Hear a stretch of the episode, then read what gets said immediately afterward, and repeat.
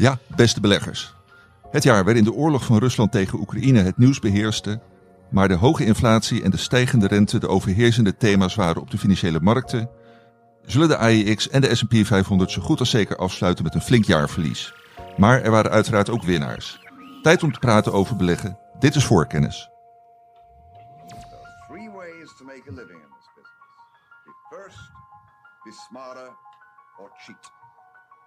I don't cheat. Beleggersbelangen presenteert voor kennis.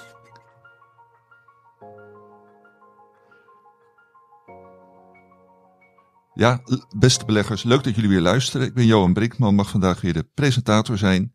Eh, vandaag is trouwens 22 december, want deze podcast is bij wijze van hoge uitzondering een week eerder opgenomen. Veel zal dat eh, waarschijnlijk niet uitmaken, want ik ga met mijn collega's Karel Merks en Menno van Hoven praten over de beleggingskansen die zij zien in het nieuwe jaar. Eh, uiteraard bij aandelen, maar ook bij obligaties, grondstoffen en crypto's. Ehm, en obligaties. Uh, maar ook in deze podcast beginnen we met uh, terugblikken, maar dan kort over het gehele jaar 2022. Karel, hoe zou jij dat jaar in een paar zinnen kunnen omschrijven? Nou, in één zin is het, de rente liep op in 2022 omdat er inflatie is ontstaan. En als ik dan even een paar zinnen aan mag vastknopen, is van een hogere rente betekent dat de waarde van de toekomstige winsten uh, daalt. En het is belangrijk omdat de aandeelhouder recht heeft op alle, alle winsten uit de toekomst. Weet je, aan het begin van 2022 uh, was de Amerikaanse rente letterlijk nul. En op het moment dat de rente uh, nul is, dan is een, een winst van, van 1000 euro die behaald wordt in 2032. Nou ja, die heeft in 2022 een waarde van uh, 1000 euro, omdat de rente nul is en er is geen alternatief sparen, want iets van 1000 groeit in 10 jaar met 0% rente aan tot 1000. Maar ja, gaat de rente naar 5%, wat nu de eenjarige Amerikaanse rente is, dan heb je niet meer 1000 nodig om over 10 jaar 1000 te hebben. Maar je hebt 614 euro nodig, omdat 614 euro of 614 dollar groeit in 10 jaar uit tot 1000. En dat betekent dus dat de toekomstige cashflows uh, met een procent of 40 zijn uh, gedaald. Dus we hebben dit jaar hebben wij een daling van de waardering van aandelen gezien, omdat de, de rente opliep en daardoor de toekomstige winsten minder waard werden. En dus op zich is het best wel geleidelijk gegaan, want we hadden een top op 4800 punten in januari in de S&P 500.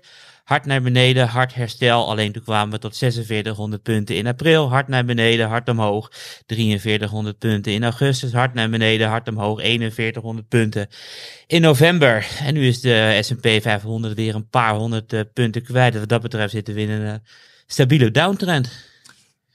Oké, nou dat is uh, inderdaad heel kort en, en heel krachtig. En nou, in dit klimaat hebben aandelen het dus slecht gedaan. Kun jij ook kort iets zeggen over die andere assetcategorieën die ik noemde? Obligaties, grondstoffen en crypto's, wat daar de belangrijkste bewegingen zijn geweest? Crypto's naar beneden. grondstoffen ook naar beneden. En obligaties ook, ook naar beneden. Het ligt er een beetje ook aan in welke valuta en hoe je er naar, naar kijkt. Want ik bedoel, olie heeft een beetje een roundtrip gemaakt en natuurlijk. We begonnen het jaar, zeg op 80. Nou ja, toen gingen we naar 140 bij de, door de Russische inval. En nu zijn we vlak onder de, de 80. Dus het is wel een heel, heel volatiel jaar geweest. En veel minder duidelijke trend zoals bij, uh, bij aandelen. Ja, want uh, bij aandelen uh, dan denk ik ook even aan jouw achtergrond, toch een stukje technische analyse. Zie jij st nog steeds lagere bodems? Ja, het gaat gewoon heel erg constant. Elke keer herstel tot de gemiddelde koers van de afgelopen 200 dagen. En je bij 4600, 4300 en 4100 was dat, dat weerstand. En het is heel erg opvallend dat normaal we altijd wel een soort van eindejaarsrally hebben. En tot nu toe staat december nog gewoon in de min. Maar de allerbeste week van december is altijd tussen kerst en oud en nieuw. Dus wie weet wordt er nog wat. Ja, ja. Maar goed, uh, heel erg veel verschil met uh, hoe de graadmeters nu staan, zal dat, zal dat niet maken waarschijnlijk. Het is gewoon voor, voor beleggers een broertjaar geweest. Ja, en um, dan nog even één aspect eruit pakken, de, de valutabewegingen. nou ja, veel van ons, Menno zeker, die beleggen in Amerikaanse aandelen. En ja, die hebben toch wel eh, relatief de wind eh, meegehad eh, dit jaar. Tot september, oktober heel erg de wind mee natuurlijk. Ja. Want in oktober was het 95 cent de euro-dollar. Maar ja, we zijn nu inmiddels geloof ik 1,6, 1,7. Dus de Amerikaanse dollar is in de afgelopen weken en maanden met iets meer dan, dan 10% gedaald. Dus gewoon heel slecht voor Amerikaanse aandelen. Maar per saldo is het nog een positief jaar. Want we geloof ik het jaar begonnen op 1,20 eh, in de euro-dollar. Alleen de trend is wel duidelijk gedraaid eh, in de herfst. ja, en kun je dat eh, verklaren? Het is heel erg lastig om, om, om dat te verklaren. Want ik bedoel, op een gegeven moment, toen de euro 1,20 was, had je die invasie. Iedereen was bang voor energietekorten in Europa. Nou ja, wij Europeanen hebben de hoofdprijs eh, betaald om genoeg energie te krijgen. Dat we geen blackouts in Europa hadden, maar wel in Bangladesh, Pakistan en dat soort landen.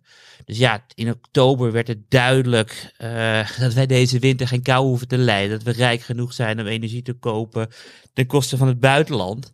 Ja, en daardoor is gewoon die druk van die euro afgegaan. We zijn van 95 cent naar 1,05 eh, gegaan. Helder. Eh, Menno, ik weet dat jij geen eh, groot liefhebber bent van, eh, van macro-economie en dergelijke. Maar goed, toch eh, kun jij vast vanuit jouw eigen invalshoek best een en ander zeggen over afgelopen jaar. Nee, absoluut. Kijk, macro is dit jaar gewoon wel bepalend geweest voor wat uiteindelijk met de aandelenkoersen is gebeurd. Nou, daar komen we zo denk ik nog wel, wel verder op terug.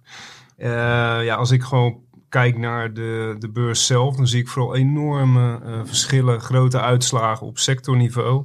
Eh, met in negatieve zin eh, de tech-aandelen en de co- eh, consumentenaandelen. Dan heb ik het over consumer discretionary. Dus echt de retailers, de, de schoenen, de kledingproducenten, toerisme-aandelen.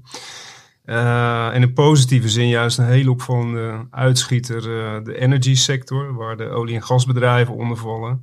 En eh, ook consumer staples, pharma eh, doen het goed. Het zijn echt hele defensieve sectoren. Ehm, die, ja, vooral dan energy heeft het eigenlijk heel slecht gedaan de afgelopen jaren. Vorig jaar was het ook wel goed.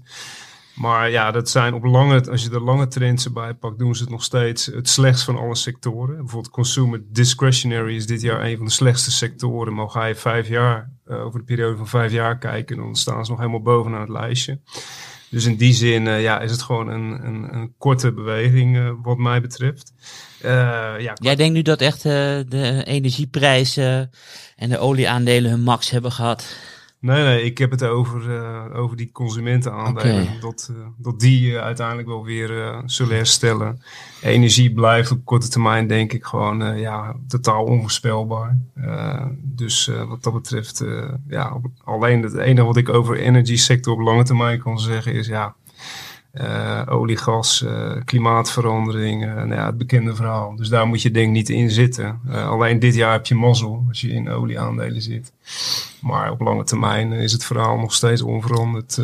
ja. Nou, bij die consumentenaandelen speelt ja, de koopbereidheid van ja, de gemiddelde consument natuurlijk ook een grote rol. ja, dat is zo. En in dat kader is het wel mooi dat Nike gisteren met, of eergisteren eigenlijk, met veel beter dan verwachte resultaten kwam.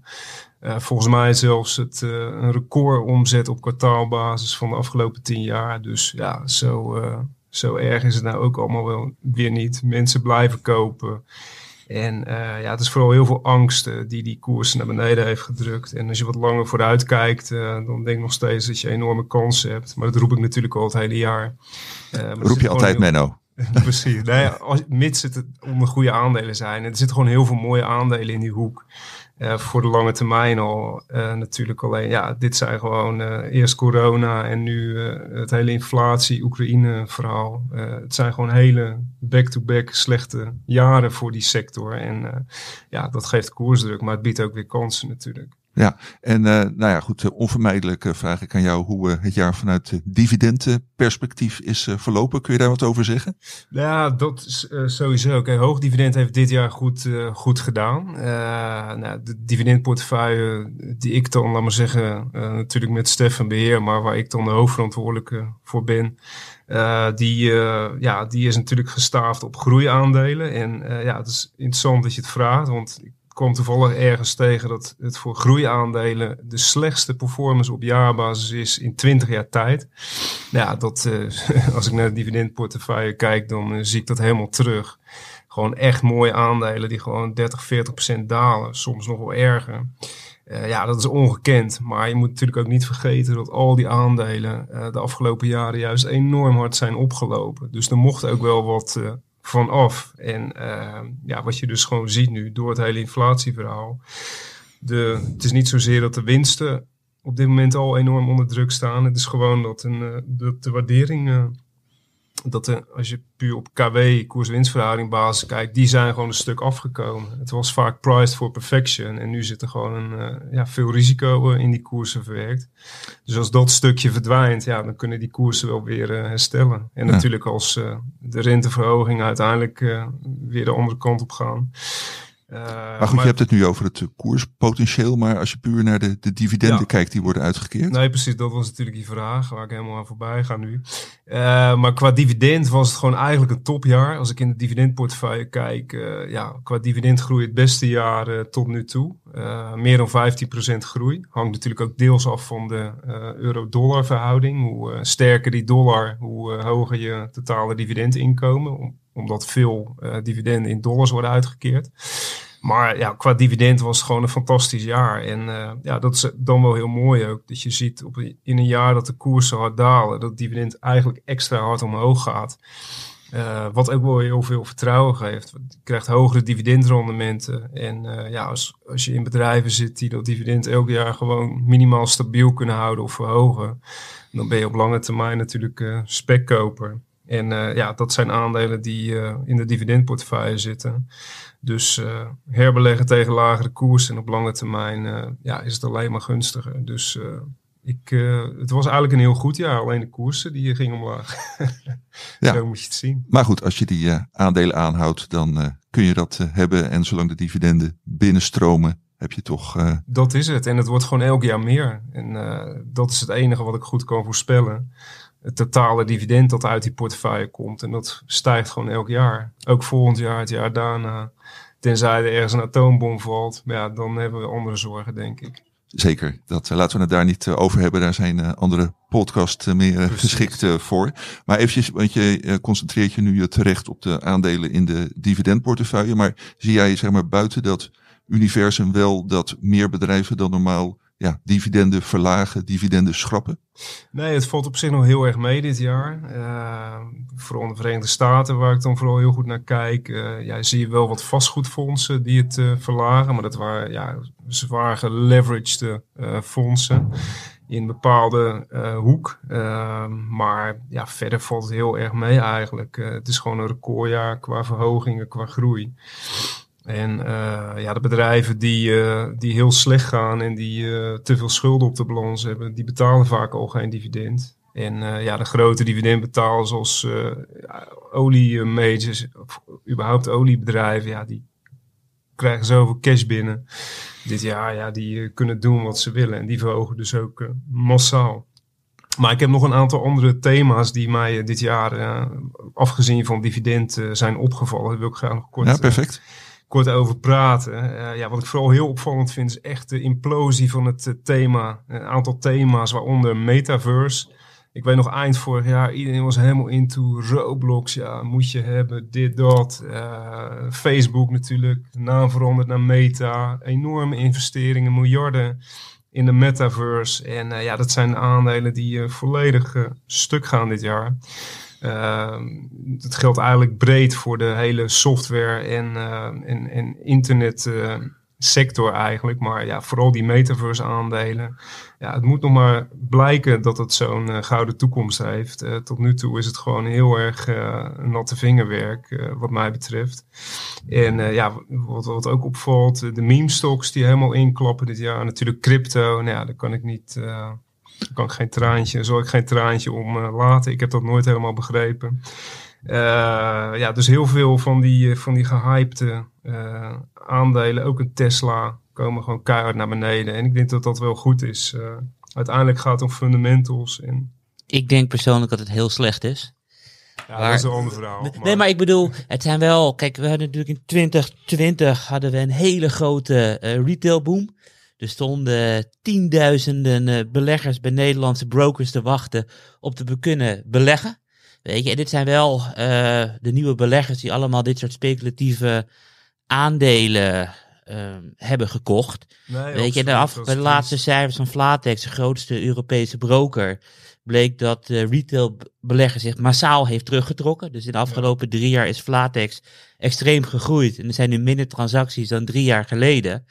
En op het moment dat eh, de particuliere belegger zich massaal terugtrekt, dalen de eh, waarderingen op de beurs. Ik bedoel, dat hebben we gezien bij de laatste retailboom in 2000, daarvoor 1929. Ik bedoel, op het moment dat retail weggaat, komen er vaak hele zware jaren aan. Omdat er gewoon minder geld is om van mensen die die aandelen willen hebben. Dus ik bedoel, ik treur er wel om dat alles wat eh, speculatief is in elkaar gezakt is. Nee, precies. Maar de vraag is natuurlijk wel waar die retailbeleggers waar jij het over hebt. eh, en die, vooral die nieuwe beleggers waar die in zitten. Kijk, als ze nou gewoon keurig in de dividendaandelen zaten, dan eh, blijven ze gewoon beleggen. Eh, Daar ben ik mee eens, maar jij weet ook van, ze zitten in de plug power eh, begin Nee, precies. 2021 Precies, en in de, in de de en, en dat soort aandelen. Ik bedoel, het zijn Ja. niet, kijk, ik ben ook begonnen om in drie jaar met pensioen te gaan met internet aandelen eind jaren 90.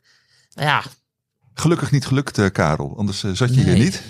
Nee, maar precies. Maar dat is natuurlijk ook de taak die wij als beleggersbelangen hebben. Dat we gewoon onze abonnees... eh, de- de- ja klopt. Nee, maar ik bedoel, ik, ik, ik treur dus om alles wat aan het imploden is. Maar Hoe je, hoe je het moet doen. Ik weet nog Hmm. het linksdebat begin dit jaar waar ik stond. werd ook crypto geadviseerd. Nou, ik heb me daar toch wel vrij tegen uitgesproken, eh, denk ik. En eh, vooral met als reden wat ik ook noemde. Dat, eh, dat nieuwe beleggers eh, enorm speculatief, enorme risico's namen. En terwijl als je begint met beleggen moet je juist heel simpel beginnen met goede kwaliteitsaandelen.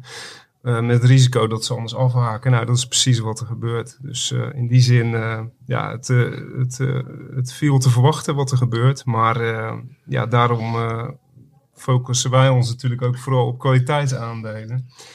En, eh, ik wou alleen ingaan dat jij zei van ik ben blij dat het gebeurd Nee, is. nee, Daar ik ben reageerde blij ik alleen omdat- op. eh, Precies, maar de reden dat ik dat zeg is omdat ik gewoon op een gegeven moment werd ik helemaal gek van al dat iedereen om je heen, oh crypto dit, crypto dat. Ja, ik, eh, ik Je houdt daar niet van. Precies, ik zie er niks in. En ik word ook nog een soort van gedwongen om er een mening over te, te gaan hebben.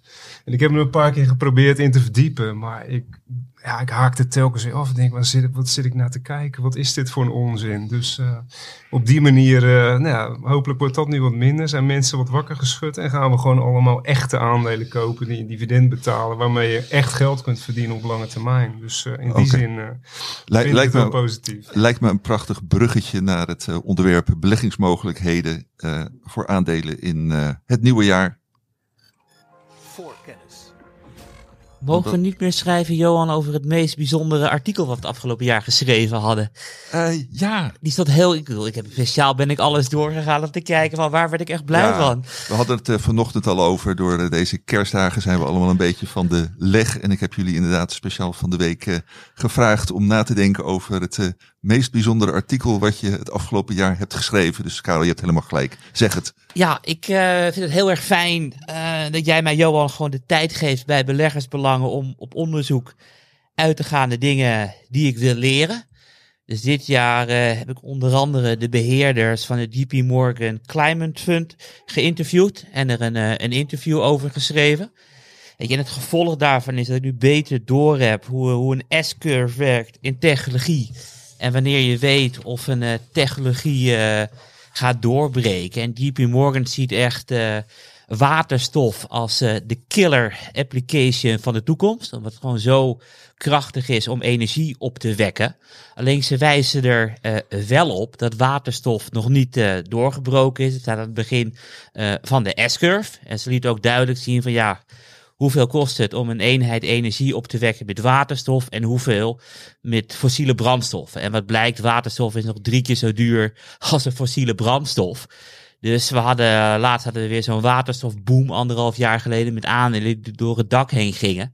Maar dat was dus puur eh, speculatie. Maar elk jaar daalt eh, de prijzen van waterstof. En als die onder de fossiele brandstoffen eh, prijs ligt, dan worden waterstofaandelen aantrekkelijker. Want dan komt er massale adoptie, adoptie en kunnen die omzetten van die bedrijven zeer sterk groeien. En ik heb er dus uh, in dit jaar niets aan die kennis gehad, behalve dat ik die waterstofaandelen vermeden heb. Maar ik weet wel dat er ergens in de komende jaren hele interessante beleggingsmogelijkheden bij gaan komen in de waterstofsector. En daar heb ik ook ideeën van wanneer dat ik weet wanneer ik in waterstof kan gaan uh, beleggen. Dus ik vond het echt gewoon heel erg leuk om uh, die mensen van het Climate Funds te mogen interviewen. Ja, we gaan het artikel in de show notes zetten. En goed dat je me eraan herinnerd hebt, Karel. Menno, jij ook nog één of twee artikelen waarvan je zegt, nou dat is wel echt het leukste wat ik afgelopen jaar heb gedaan? Nou ja, ik uh, richt me natuurlijk vooral altijd op dividend. En uh, ja, daar gaat ook heel veel uh, research en vooral ook heel veel bijhouden van cijfertjes en track records, et cetera. Daar gaat heel veel tijd in zitten. En de leukste omslagverhalen om te doen vind ik die over een specifieke regio of een specifiek land. dus ze hebben bijvoorbeeld dit jaar een omslagverhaal over Zwitserland weer geschreven. Uh, qua dividend is dat in Europa echt een uh, ja, heel, heel goed land. In die zin met bedrijven met hele mooie track records. Uh, ja, heel voorspelbaar. Mooie, unieke bedrijven. Dus ja, dat was wel mijn, een van mijn highlights dit jaar. Het Zwitserland artikel. Ehm, ja, en zo eigenlijk in lijn wat, wat Carlo aangeeft. Het leuke is dat je gewoon af en toe ergens heel diep in kunt duiken. En dat je de, de tijd krijgt om om uh, de pareltjes eruit te vissen. En uh, ja, dit zijn voor mij wel de leukste artikelen. Dus die, uh, echt die sector en die landen artikelen. Volgend jaar schrijf ik weer een Zwitserland artikel. En ja, daar heb ik nu alweer zin in. Dus, Oké, okay, nou, hartstikke goed. We zetten deze beide artikelen in de show notes. En nu, nu maken we wel het bruggetje. De beleggingsmogelijkheden voor het aankomende jaar. En dan in eerste instantie in, in aandelen. Uh, Karel, mag ik weer bij jou uh, beginnen? Waar zie jij de grootste kansen? Um, nou ja, ik zie, dat ga ik zo vertellen. Maar ik wil eerst vertellen dat ik vooral uh, risico's zie. dat 2023 misschien net als 2022 wel eens een, een heel moeilijk jaar kan gaan worden. Weet je? En de belangrijkste reden daarvan is, is dat de kerninflatie, dus gewoon de echte inflatie zonder voedsel, energieprijzen, uh, en dergelijke uh, heel erg hoog, uh, hoog is. Omdat de Amerikaanse arbeidsmarkt gloeiend heet is. En ehm, mensen die in Amerika werken gewoon er weinig voor hoeven te doen. En 5, 6 procent loonsverhoging krijgen. Waardoor een soort loonprijsspiraal op gang aan het komen is. En dat ziet ook de voorzitter van de Fed, Jerome Powell. En die zegt ook van ja, ik blijf net zo lang de rente verhogen. Totdat die spanning van de arbeidsmarkt uh, afgaat. Ja, um, kijk ik naar wat we dus dit jaar gehad hebben in 2022. Dan is de, de koers-winstverhouding van de S&P 500 gedaald van 26,3 naar uh, 19,4. En het gemiddelde over de afgelopen 10 jaar is 20,4. Dus Amerikaanse aandelen hebben dat betreft normaal gewaardeerd. Maar als je dan kijkt, uh, sinds de Tweede Wereldoorlog, elke keer dat er 1 procentpunt bij de werkloosheid kwam, had je een Amerikaanse recessie. En bij de laatste twee uh, Amerikaanse recessies, dus 2008 en uh, eh, 2020, was de koers-winstverhouding respectievelijk op de bodem 11 en 14. Wat heel veel lager dan nu is. En mijn collega Hilde Leman heeft ook een omslagartikel geschreven een aantal maanden geleden. Dat als er een Amerikaanse recessie komt, dat er dan altijd uh, dubbelcijferige koersverliezen komen. En dat de bodem in de recessie ligt en niet voor de recessie. Dus ja, als je dan kijkt naar de hele S&P 500, is de winstgevendheid is nog hoog. Dus ja, misschien was 2022 het jaar van de rentestijging en 23 van de Amerikaanse recessies. Maar ja, dit gezegd hebbende betekent niet dat er uh, geen enkele kans is uh, om dingen te doen uh, in de aandelenmarkt. En ik zou graag willen wijzen op een omslagartikel wat ik een aantal maanden geleden geschreven heb over ja, wat zijn nou aantrekkelijke aandelen in een berenmarkt uh, die verder gaat. En daarvoor heb ik eigenlijk naar twee variabelen gekeken. Nou ja, de eerste, heel erg belangrijk, het is hoeveel geld stroomt er bij een uh, bedrijf binnen. Dus heb ik gekeken naar omzetten en naar kaststromen. En het idee daarvan is van de afgelopen jaar hebben we hoge inflatie gehad. Dus op het moment dat bedrijven in hoge inflatie veel kunnen eh, verdienen, betekent dus eh, dat ze ook als 2023 naar wordt ook veel kunnen verdienen. En daarnaast momentum, dus eh, hoeveel beter presteert een aandeel dan de index waar het in zit. En dat laat dus zien dat die aandelen gekocht worden door beleggers in een berenmarkt. En er zijn er twee aandelen, vijf sectoren zijn er uitgekomen. Maar ik wil er twee eh, behandelen. En de andere drie mag u eh, lezen in het artikel wat in de show notes staat. Eén van de vijf sectoren die goed presteert is de gezondheidszorg. Neem het Amerikaanse aandeel Merck. In de Verenigde Staten zijn er maar 17 bedrijven waar meer eh, geld naar binnen stroomt dan bij Merck. En daarnaast is het ook een aandeel wat op lange termijn goed kan presteren door de, door de vergrijzingen, et cetera's. En daarnaast is Merck eh, en andere gezondheidsbedrijven stabiel in een recessie, omdat, eh, nou ja, twee redenen. A, het verdienmodel is stabiel en beleggers hebben dus geen zin meer om te specule- speculeren met de Tesla's van deze wereld. Dus ik zou zeggen, van ja, gezondheidszorg, Merck ziet er heel erg aantrekkelijk uit. En daarnaast een andere is defensie. Want ik wil niet geloven dat in de komende jaren overheden gaan bezuinigen op, eh, op munitie en dergelijke. En als je dan kijkt naar eh, eh, momentum en hoeveel geld er binnenstroomt, dan is eh Raytheon Technologies een, een interessante. Oké, we gaan het artikel inderdaad in de show notes zetten. En ja, ik wil toch nog wel even ingaan op jouw verhaal over de, de market en recessie. Ehm, want ook voor die aandelen die jij noemt, adviseer je wel eh, ja, beleggers daar, daar nu in te stappen. En eh, zo ja, moeten ze dat dan in één keer doen of meer gespreid of toch nog even wachten? Ehm, nou ja, kijk, het lastige is natuurlijk, het gaat er ook om van hoeveel geld beleggers hebben ehm, om te beleggen. Dus op het moment dat eh, ze maandelijks een bedrag over hebben om te beleggen, ja, stap dan gespreid in. Ehm, hebben beleggers helemaal niks in de gezondheidszorg, helemaal niks in eh, defensie, ja, stap er dan, dan nu in. Ehm Hangt gewoon een beetje van je persoonlijke situatie. Hang, hangt van je persoonlijke situatie af. Ik bedoel, als je kijkt naar eh, een portefeuille die van Menno, de dividendportefeuille, die is 100% belegd. En er komt dus geen eh maandelijks eh, inleggen bij. Ja, dan moet je eh, misschien een wijziging doen in de portefeuille. Ja. Dus dat is echt helemaal af van de, eh, de reden waarom mensen beleggen. Kijk, en dat mensen eh, zoiets hebben van ja, ik zit op een wereldwijde ETF en ik wil over 30 jaar meer vermogen hebben dan vandaag. En dan hoeven ze helemaal niks te doen. Dus het is echt heel erg afhankelijk van persoonlijke omstandigheden. Ja, maar het is niet zo dat jij met het oog op dat je verwacht dat er een Amerikaanse recessie komt, eh, ja, gaat zitten timen van ja, wanneer is nou het dieptepunt van die markt? Kijk, het is heel erg lastig, omdat we in 2020 hebben wij eh 25, wij, de Amerikaanse regering heeft eh 25% meer dollars gecreëerd. Dus ik bedoel, een werkloos kreeg eh, een hogere uitkering dan het laatst verdiende loon, et cetera. Ze een paar keer hebben elke Amerikaan een paar duizend euro op de rekening gestort gekregen. En het gevolg daarvan is dat de Amerikaanse consument zoveel geld heeft. En de vraag is een beetje, wanneer begint dat op te raken? Dus op het moment dat je dan kijkt naar de salarissen van nu, die zit al twintig eh, maanden op rij, is de salarisverhoging lager dan de inflatie. Wat Menno ook zei in de inleiding, eh, Nike laat zien dat de Amerikaanse consument zeer krachtig is, zeer veel geld heeft.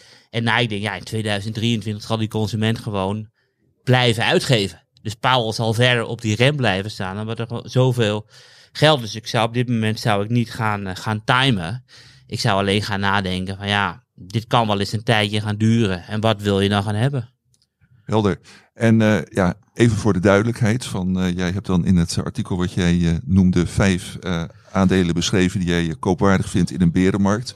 Maar er zijn ook andere aandelen en nog wel flink wat die jij volgt, die je ook koopwaardig vindt op dit moment. Het is dan niet zo dat je zegt van ja, je mag alleen maar die vijf aandelen hebben. Nee, en- nee, klopt. Ik bedoel, er zijn een aantal aandelen waar ik binnenkort over wil schrijven, waar ik heel erg opvallend vind, is bijvoorbeeld het aandeel eh, Disney. Want in maart eh 2020 ging alles heel erg naar beneden. En even je voorbeeldje met, uh, met de AEX. We staan nu boven de, de 700. Maar de AEX heeft dus 380 uh, gezien. Wat zoveel lager is dan nu. Maar kijk je dan bij, bij individuele aandelen.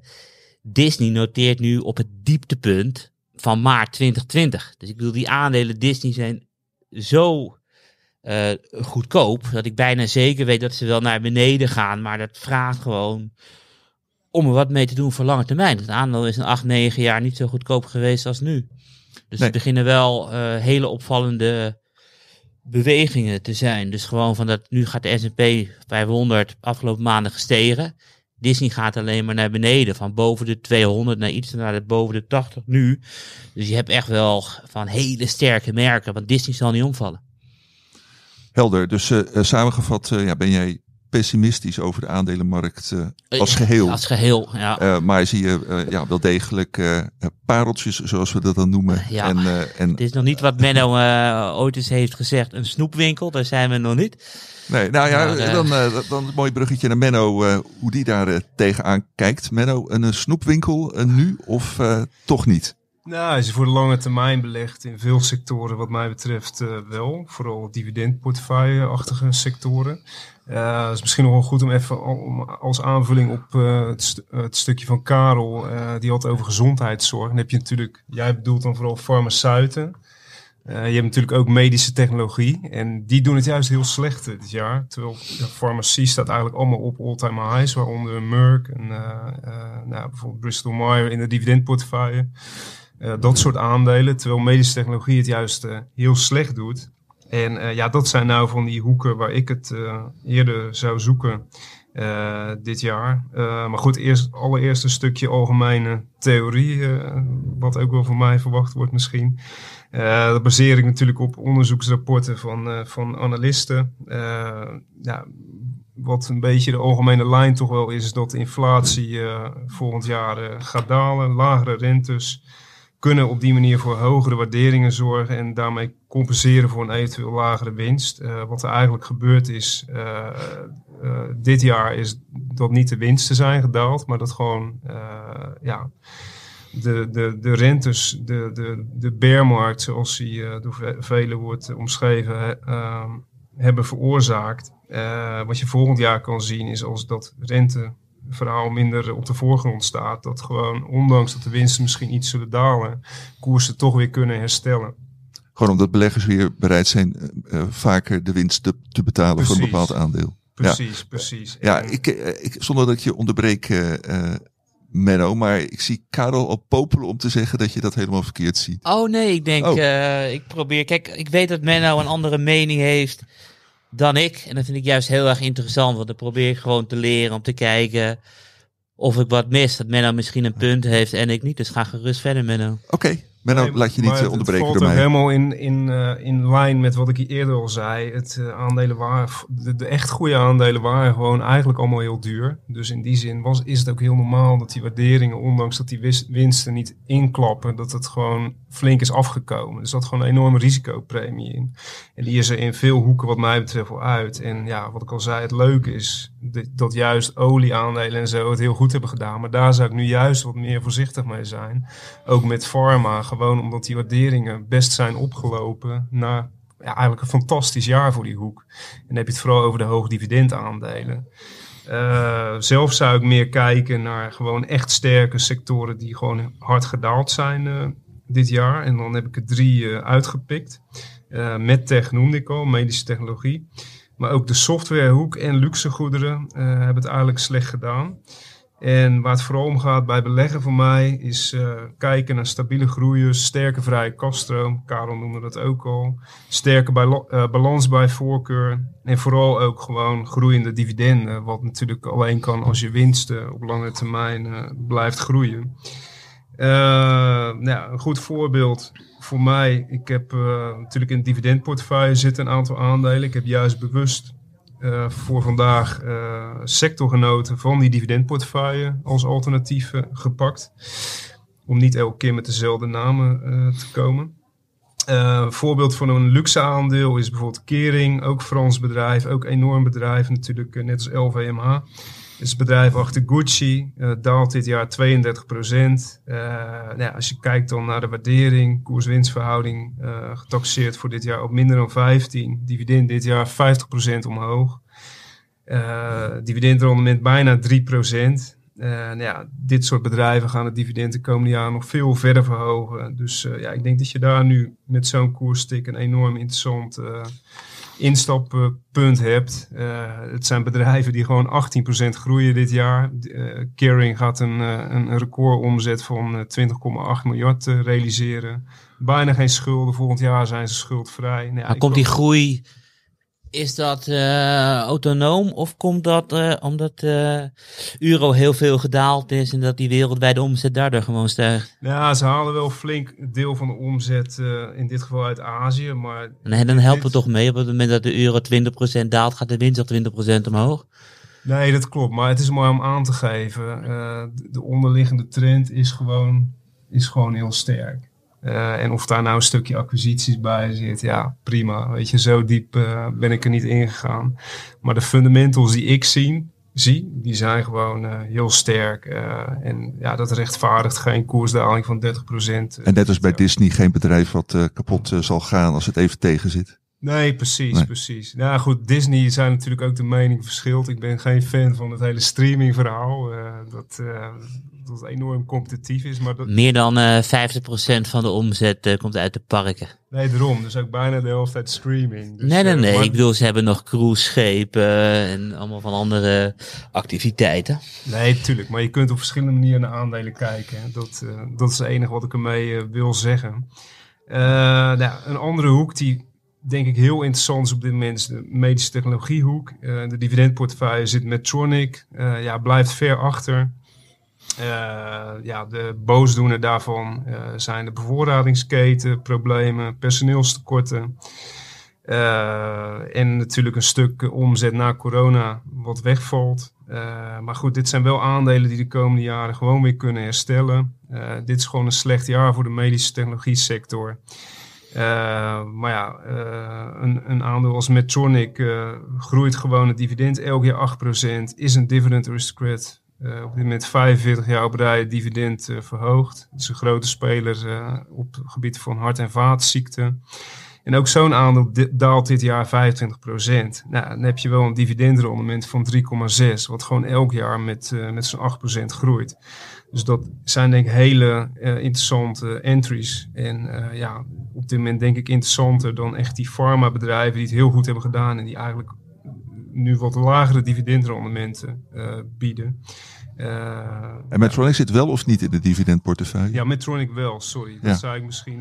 Nee, maar even voor de helderheid blijft het een, een waardevolle tip. Maar, Ja, nee, dus, dus, wat je dus ziet, die medische technologiehoek doet het gewoon heel slecht. Een ander voorbeeld is Baxter International. Verliest zelfs 40%. En ja, dichter bij huis natuurlijk Philips heeft natuurlijk een andere reden dat die koers zo onder druk ligt.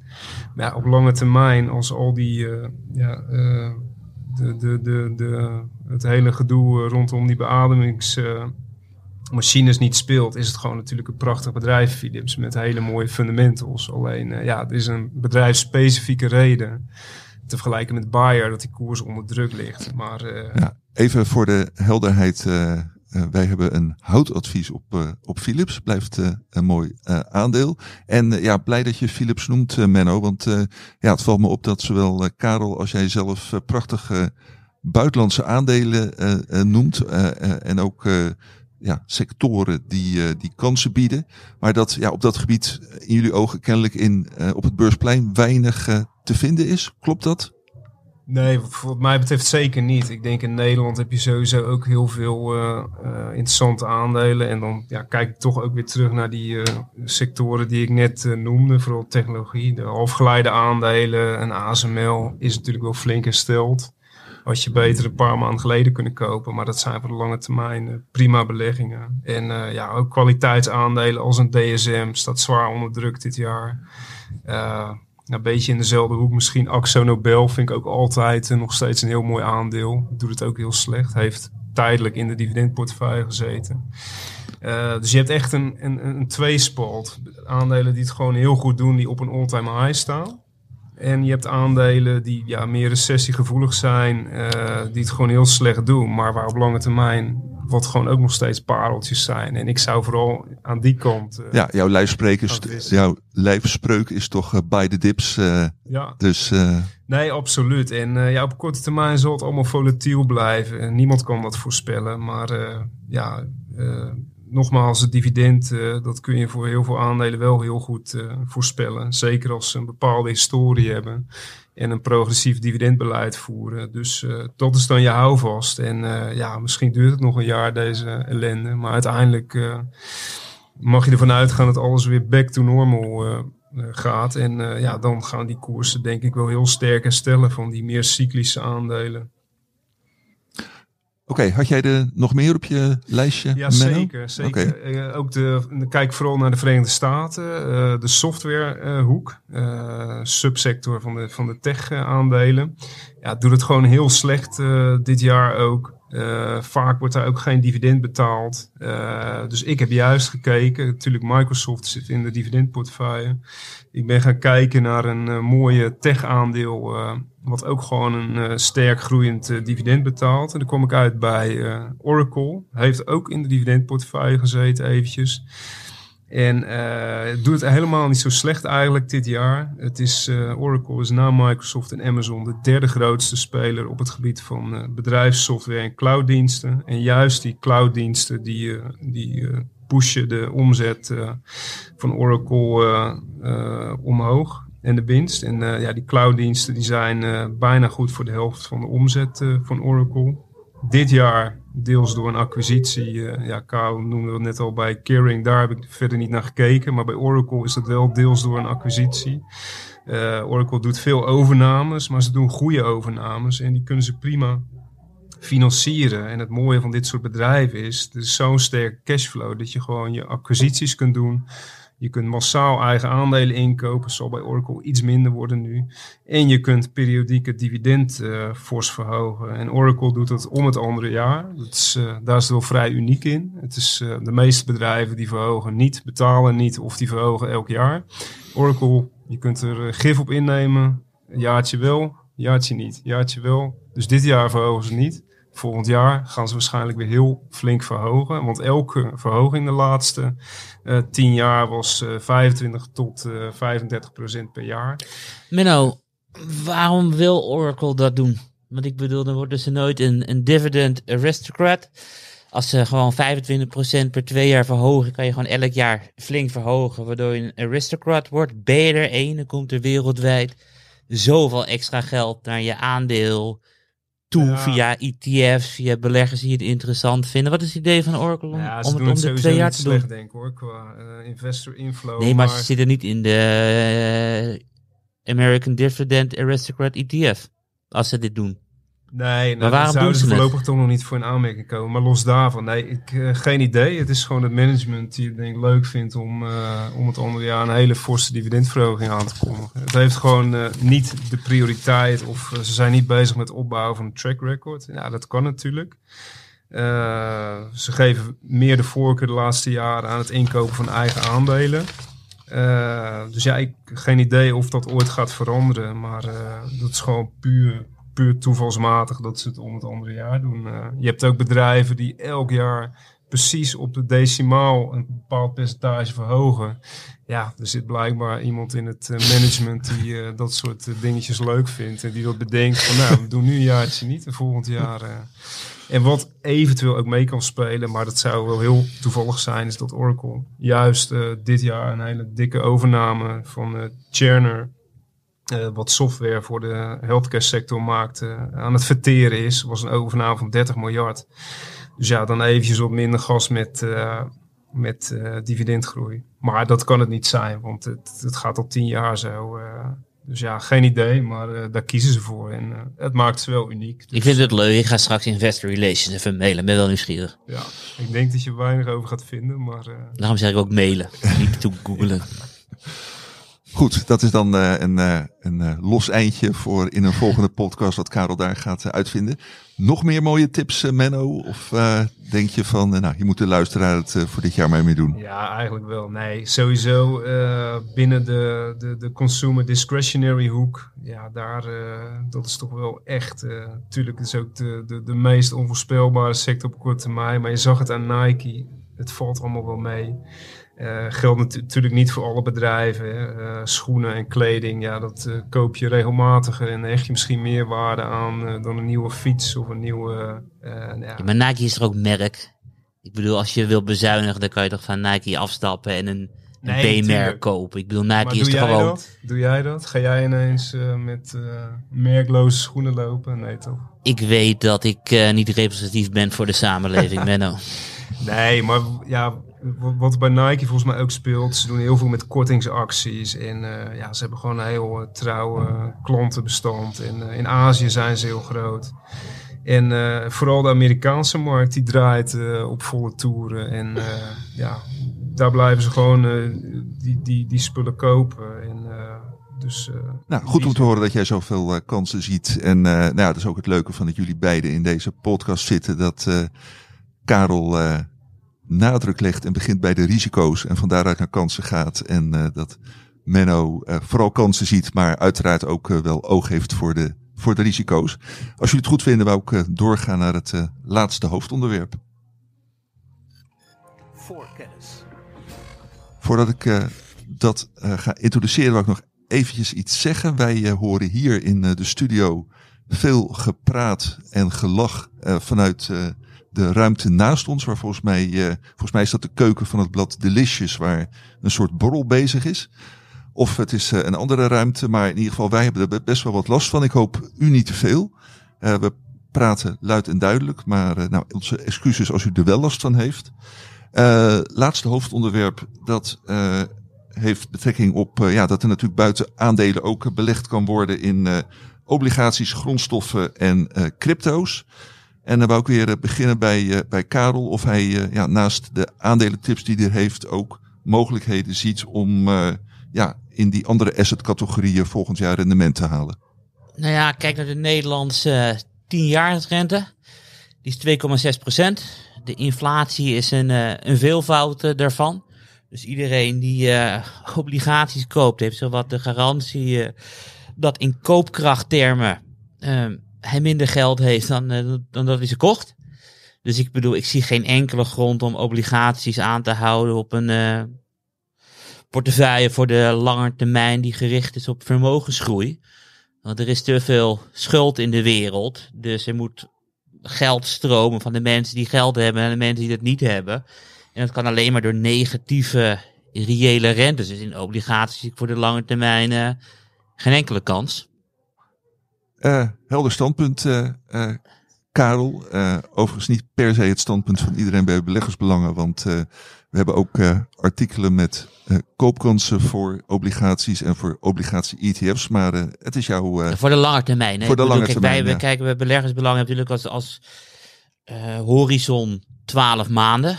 Weet je, en als je dan kijkt wat Menno ook zegt, de inflatie is op dit moment aan het dalen en in tijden van uh, dalende inflaties. Maakt niet uit als de rente, uh, hoe noem je dat, reëel negatief is.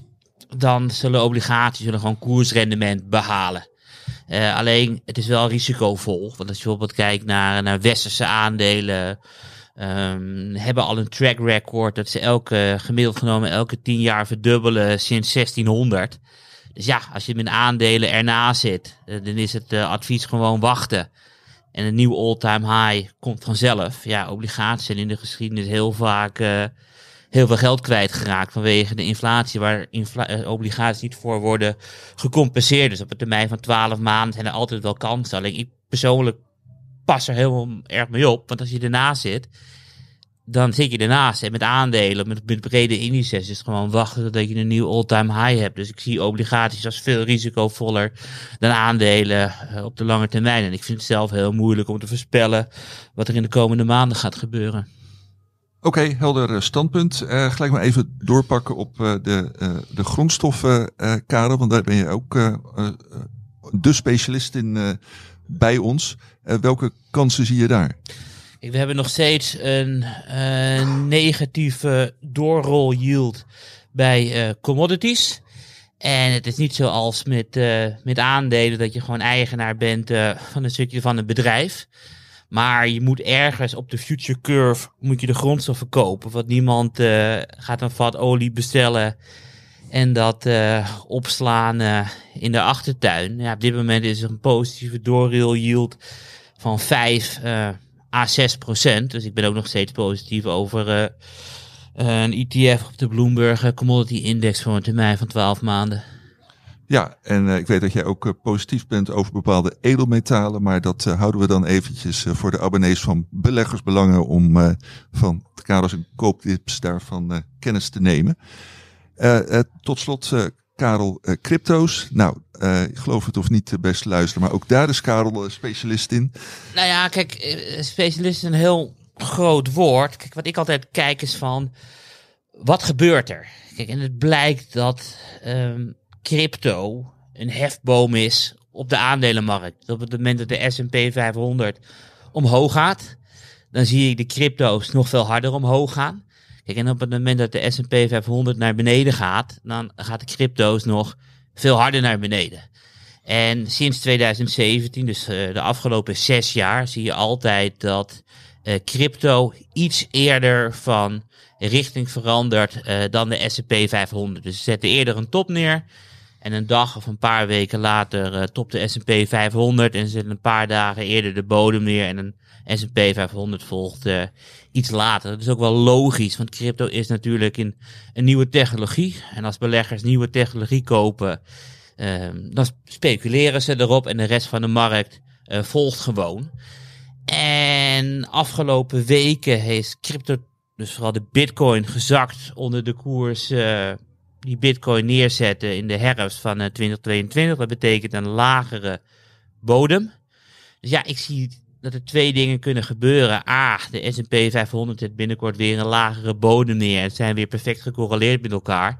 Of de S&P 500 gaat omhoog en crypto naar beneden. En dan is het het einde van, eh, van crypto's op dit moment. Welke van de twee het ook is, ik zou er op dit moment van afblijven.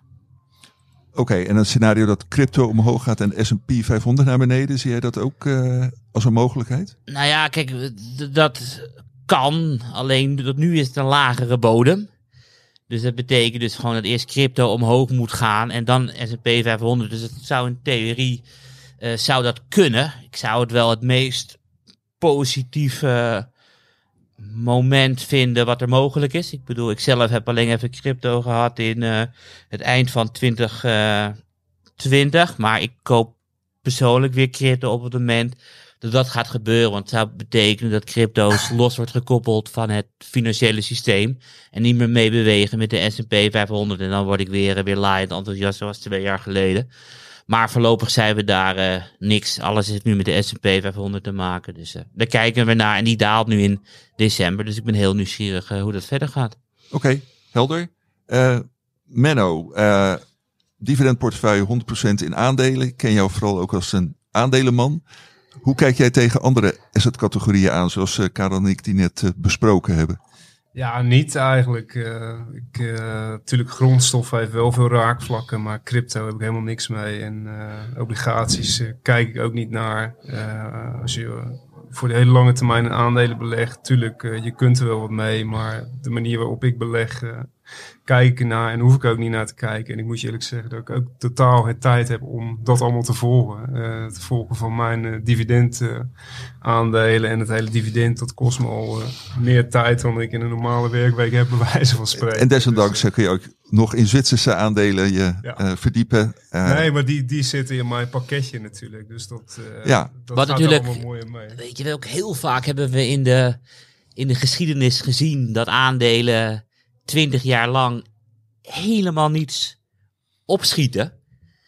Ik bedoel, ik hoop dat je dan, als er weer zo'n periode ooit krijgt, dat je er goed doorheen komt, Menno. eh. Ja, je weet hoe ik erin zit. Als het dividend elk jaar stijgt, dan eh, kom je overal goed doorheen. Nou ja, Het ik, is ik, gewoon een ik kwestie bedoel, van in, in, in de- tijden van deflatie en dalende rentes heb je helemaal, eh, helemaal een punt. Maar ik bedoel, in de jaren 70 eh, had je toch 15 jaar lang uh, het ondanks de stijgende dividenden die aandelen niet omhoog gingen. Nee, prima. Maar uh, als ik het over lange termijn heb, heb ik het over 20, 30 jaar. Dus uh, extreme situaties kunnen altijd gebeuren. Maar uh, ja, ook dan geldt weer, dan heb je denk ik wel andere zorgen, andere problemen.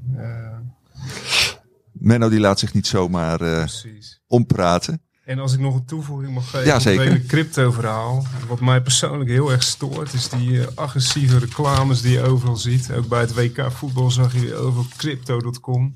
En ik ben zelf een uh, ja, vrij fanatiek basketbalfan, Amerikaanse NBA. En ja, je had heel veel hele mooie stadions. die worden allemaal gesponsord door een bepaald bedrijf. En uh, er zijn vorig jaar een paar van die crypto-boeven tussendoor gekomen fietsen. Uh, nou, bijvoorbeeld uh, de Miami Heat Stadion, waar ik één keer ben geweest. Die heet, of die heette de FTX Arena. Nou, inmiddels zijn ze op zoek naar een nieuwe sponsor. We weten allemaal waarom. En zo heb je bijvoorbeeld ook uh, de LA Lakers. Altijd historisch, fantastisch Staples Center. Dat is nu de Crypto.com uh, Arena. Verschrikkelijk. Dus, uh, ja, Menno, ik vind, ik vind het, deze opmerkingen echt zo fantastisch. Hè, om, dat je ook van je hart geen moordkuil maakt. En ja, ook mooi dat, dat je dan ook die crypto's helemaal niet ziet zitten.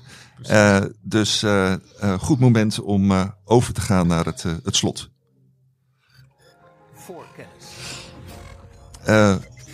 Slot is, zou heel uitgebreid kunnen zijn. Alles wat we voor 2023 verwachten. Maar we gaan het toch heel kort houden. Karel, in een paar zinnen. Wat, wat verwacht jij voor 2023? Waar kijk je naar uit? Poeh, ik ben heel erg nieuwsgierig of het inderdaad gedaan is met de inflatie. Want wat we in de geschiedenis zien, is het niet inflatie omhoog naar beneden klaar. Er zijn vaak twee of uh, drie uh, inflatiegolven. En die tweede en die derde worden nou ja, altijd veroorzaakt in de vet die gewoon niet uh, streng kan zijn veel te snel weer op het gaspedaal stapt, uh, waardoor die inflatiekracht niet verdwenen zijn. En de tweede en de derde piek hoger uitkomen dan uh, de eerste piek, meerdere malen in de geschiedenis gezien. Ik ben heel nieuwsgierig of de Federal Reserve dit keer uh, daar weer voor gaat zorgen of niet. Daar kijk ik naar uit, naar wat ik ook al zei als tweede in de podcast. Winstontwikkeling, Amerikaanse bedrijfsleven, essentieel. Steeds meer analisten zien een recessie komen. In een recessie dalen de winsten. Dus ja, dalende winsten betekent ook dalende koers. Daar ben ik ook heel erg nieuwsgierig hoe dat gaat verlopen. Daarnaast heb je altijd, uh, altijd, heb je een heel groot risico.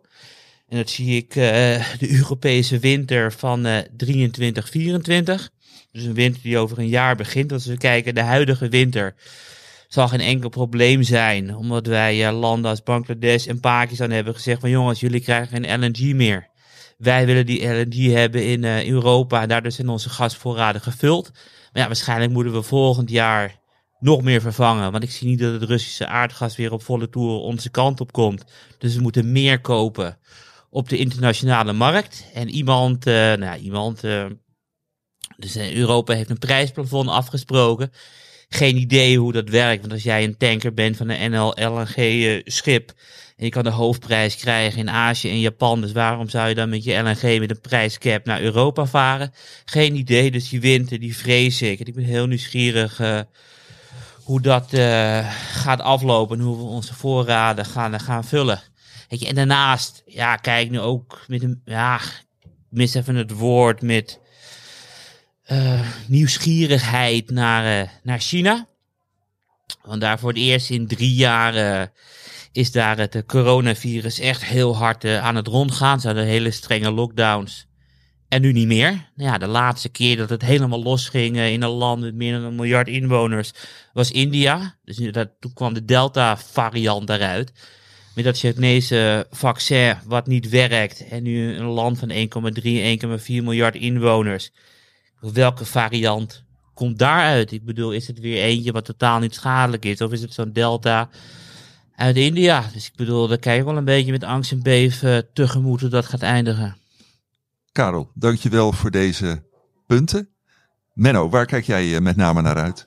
Ja, Karel was duidelijk de economie aan tafel. Ik ben de belegger. En uh, ik kijk uh, ja, toch vooral gewoon naar die sectoren die ik al noemde. Uh, ik denk dat echt veel mooie aandelen uh, heel hard zijn uh, gedaald. En het zou mij niet benieuwen als we enorme waarschijnlijk niet begin volgend jaar, maar ergens in de loop van volgend jaar. Ik blijf herhalen, op korte termijn kan niemand de beurs voorspellen. Ik zeker ook niet. Maar ik kijk gewoon naar fundamentals en ik weet wat mooie aandelen zijn. Ik weet dat veel daarvan nu echt, echt aantrekkelijk staan als je voor de lange termijn kijkt. Dus dan moet een keer, moeten mensen weer wakker worden. En als veel onzekerheden die, er nu nog zijn verdwijnen ja, dan zijn veel aandelen nu veel te laag. Als je er nogmaals voor de lange termijn naar kijkt. Dus ja, ik ben ook wel benieuwd wat er volgend jaar gaat gebeuren. Eén ding weet ik zeker: dividenden van mijn aandelen gaan gewoon verder omhoog. Uitzonderingen daar gelaten, natuurlijk om bedrijfsspecifieke redenen. En waar ik verder ook naar uitkijk is de, de IPO-markt. Die lag dit jaar compleet op zijn gat. Ja, ik schrijf natuurlijk periodiek voor beleggersbelang uh, over de laatste beursgangen. Nou ja, dat was dit jaar moeilijk, want er was bijna niks. Dus het was diep graven. Ja. Maar uh, ja, als, en IPO-markt is natuurlijk bijna één op één gekoppeld aan hoe de beurs het doet. Uh, ja, als de beurzen weer verbeteren, dan gaan ook bedrijven weer naar de beurs. Dus ja, als dat balletje eenmaal gaat rollen, kan dat ook weer herstellen. Dus ja, het zou mooi zijn als we weer wat uh, mooie nieuwe grote bedrijven, vooral de Verenigde Staten, naar de markt krijgen. Want dit jaar was echt gewoon dramatisch. Uh, bijna niks moois bijgekomen. Dus, uh... Oké, ook dat is iets om naar vooruit te kijken. Dankjewel Menno. En nou, dank jullie wel Karel en Menno voor deze bijdrage en uw luisteraar voor het luisteren. Overigens, ja, bedankt voor het luisteren het hele afgelopen jaar. Want we hebben een hele trouwe en ook groeiende groep luisteraars en beleggers aan ons uh, gebonden. Uh, eerste week van het nieuwe jaar zit ik hier met uh, mijn collega's Hildo Laman en Michel Pekelharing. Ik wens u een fijne jaarwisseling toe en tot in januari.